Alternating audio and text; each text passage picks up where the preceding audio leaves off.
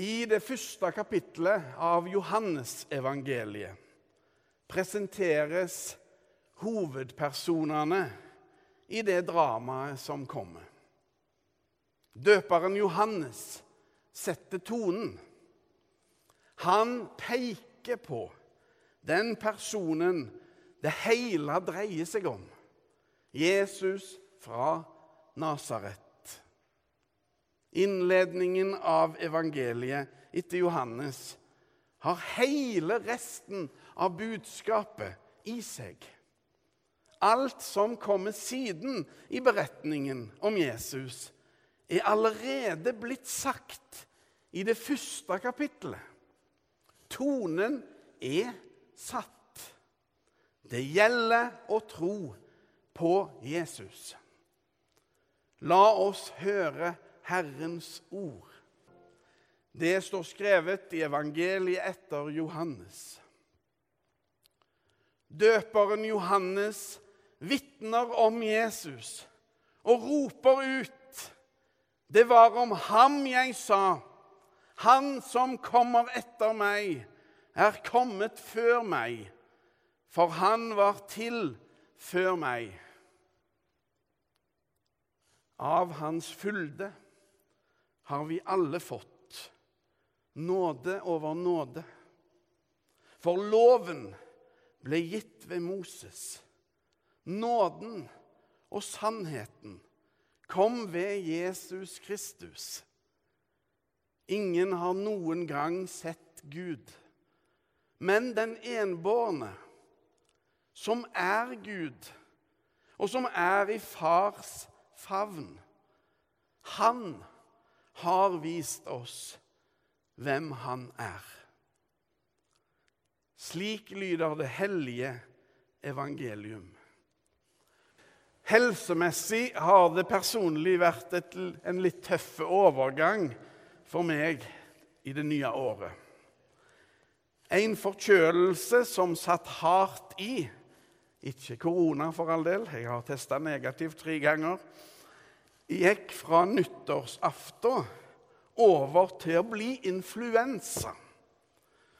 Og fremdeles sitter dotten i det venstre øret på plass. Det er som å ha hodet inni ei bøtte, hvis dere forstår. Så for tida så kan jeg faktisk ikke si som prest har jeg én munn og to ører.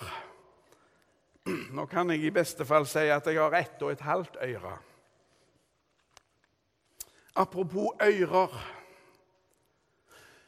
Av og til i samtale med mennesker så hører jeg folk som sier 'Jeg tror ikke på Gud'. Og det er en ærlig sak. Men da er det fristende å spørre vedkommende hvordan er den Gud du ikke tror på? Så kommer det kanskje en beskrivelse av Gud med liten g. En lunefulle, kjipe og beregnende, ondskapsfulle Gud som jeg virkelig ikke kan tro på, jeg heller. Enten en er troende eller ikke, så er det svært fristende å prøve å fange Gud og omskape han i vårt eget bilde. Slik at det tjener oss sjøl best.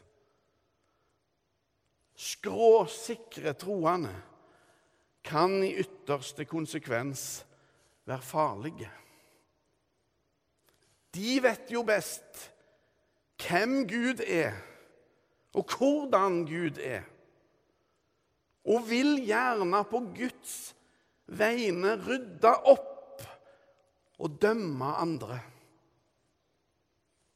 Noen få ekstreme blir gjerne voldelige i sin iver etter å tjene Gud. Enten det er med terror eller med ord. Mye djevelsk er sagt og gjort i Guds navn. Og det gir bare et fordreid og usant bilde av Gud. Det tegner et bilde av Gud som en sinte, lunefulle og demoniske skikkelse. Den som på brutalt vis bare skyver unna all motstand og tyr til vold og urett. Slikt viser oss kun hvem og hvordan Gud ikke er. Det er i aller høyeste grad misbruk av Guds navn. Men òg i Jesu navn er det gjort mange feil der. Også kristendommen har sine mørke kapitler i den forbindelse. En voldelig Gud er hvem Gud ikke er. Å tro uten kjærlighet er farlig. Døperen Johannes sitt livsprosjekt var helt motsatt. Han ville peke på han som skulle komme, Jesus. Han ropte det ut med all sin kraft. Der er han! Redningsmannen, frelseren, som er så uendelig store. Døperen Johannes var veirydderen for Jesus. Den som på en tydelig og klare måte pekte på Jesus og fortalte hvor viktig han var og er. Det var om ham jeg sa, han som kommer etter meg, er kommet før meg, for han var til før meg.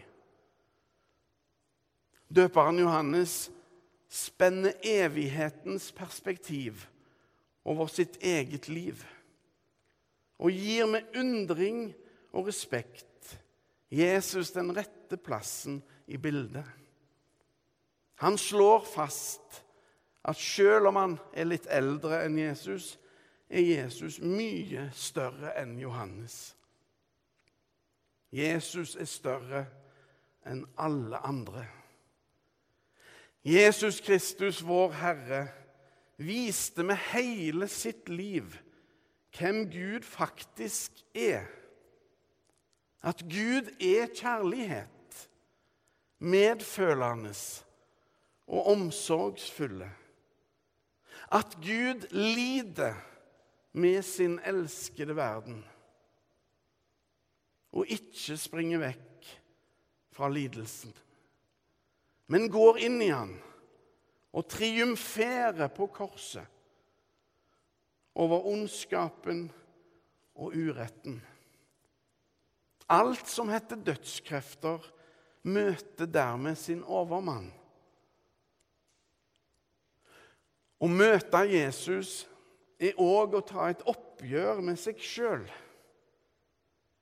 Min egen urett, mine egne feiltrinn, og la de bli avslørt av Jesus. Han som frivillig gikk i døden for oss alle. Jesus kjøpte oss alle fri til den høyeste pris som tenkes kan. Dette gjelder alle mennesker. Og forfatteren av Johannes evangeliet skriver slik.: Av Hans fylde har vi alle fått nåde over nåde. Her har jeg ei bok utgitt i 1950 på norsk. Kuvadis. Det er en historisk roman utgitt i 1896 av Henrik Sienkiewicz. Den handler om de kristne i Rom under keiser Nero første halvdel av 60-tallet, altså etter Kristus. Det er en brutale roman. Jeg vil nesten si det er en roman med 18-årsgrense, for den er utrolig brutale. Men òg der i den boka er det kjærlighet, og da er det Lygia og Markus sin kjærlighetshistorie det dreier seg om. Men de kristne under keiser Nero fikk virkelig kjørt seg. Keiser Nero satte fyr på sin egen by og ga skylda til de kristne. Kuvadis domine. Hvor går du, Herre? Det dreier seg om Peter og Paulus. Og Paulus sin forklaring om hva nåde er, skal vi snart lese. Men Peter er altså på vei ut av Rom for å rømme derfra. Og så møter han ifølge legenden Jesus sjøl på vei inn. 'Hvor går du, Herre?' spør Peter. 'Jo, jeg er på vei inn i Rom for å bli korsfesta igjen', sier Jesus. Og så snur Peter. Og da blir det hans ende likt. Men nå skal vi snart få høre Paulus sin forklaring om hva nåde er, ifølge denne boka. Og Nå skal vi lese noen linjer fra den, for der er det nemlig en som heter Kilon. Han er en gresk mann som har gjort mye galt. Han har svikta og angitt, han har løyet og bedratt. Og han har nettopp oppdaga at en av de som han lurte, Glaukos, blir brent levende for øynene på han. Og han får tilgivelse av Glaukos rett før Glaukos dør. Og nå leser vi. Under alt dette sjanglet Kilon fram og tilbake i hagen. Han var igjen blitt den gamle, hjelpeløse stakkaren. Snart snublet han over halvbrente lik. Snart støtte han mot en fakkel og fikk et regn av gnister og glør over seg. Snart satte han seg rett ned på marken og stirret stivt framfor seg. Hele tiden syntes han Glaukos var like foran ham.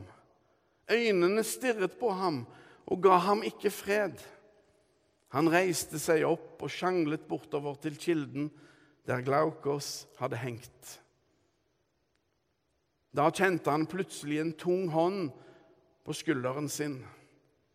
Han snudde seg vettskremt og så en fremmed mann som han ikke kjente. Hvem er du? stotret han. Paulus fra Tarsos. Jeg er fordømt. Hva vil du? Frelse deg. Kilon støtte seg opp mot et tre. Føttene kjentes tunge som stein, og armene hang slapt ned. For meg fins det ingen frelse, sa han tungt. Vet du ikke at Kristus endog i det øyeblikket han hang på korset, tilga røveren som angret sin synd? Men du vet nok ikke alt det forferdelige jeg har gjort. Jeg så hvor vondt du led og hørte hva du sa. Å Herre, og når Glaukos tilga deg i dødens stund, tror du da ikke at Kristus kan tilgi deg? Kilon rev seg i håret. Tilgi meg, tilgi meg. Vår Gud er en nådig Gud. Han er nok ikke nådig mot meg, stønner Kilon overgitt. Støtt deg til meg, sa Paulus, og følg meg. Han tok ham med seg bort til korsveien, og mens de gikk, hørte de bare den sakte skvulpingen fra springvannet. Det var akkurat som om noen gråt over alle dem som denne dagen hadde ofret uskyldig blod. Vår Gud er en nådig Gud, gjentok apostelen. Om du sto ved havets strand og kastet småstein i vannet, tror du da at du klarte å fylle havbunnens daler og fordypninger? Jeg sier deg, Guds nåde er som havet, og menneskenes synder forsvinner i den som steinene i havdypet. Guds nåde er lik himmelhvelvingen som spenner over berg og dal og hav. Den når til alle steder og er uten ende. Du var i stor sjelenød for en stund siden. Kristus vet dette. Uten tanke på framtiden ropte du sannheten. Der står mordbrenneren. Han pekte altså på Nero da han sa det. De ordene vil Kristus ikke glemme deg for. Løgn og vondskap har forlatt deg, og nå angrer du. Bli med meg og hør mine ord. Jeg er den synderen som hatet Kristus og forfulgte hans venner. Jeg trodde ikke på ham før han viste seg for meg og kalte meg til seg. Siden har han vært bare nåde og miskunn mot meg. Og han har også slått deg med sorg og angst og anger for at du skal vende deg fra vondskapens veier. Du hatet ham, men han elsker deg. Du overlot hans tjenere til fengsel og død men han er rede til å tilgi deg og frelse deg likevel. Grekeren hikstegråt.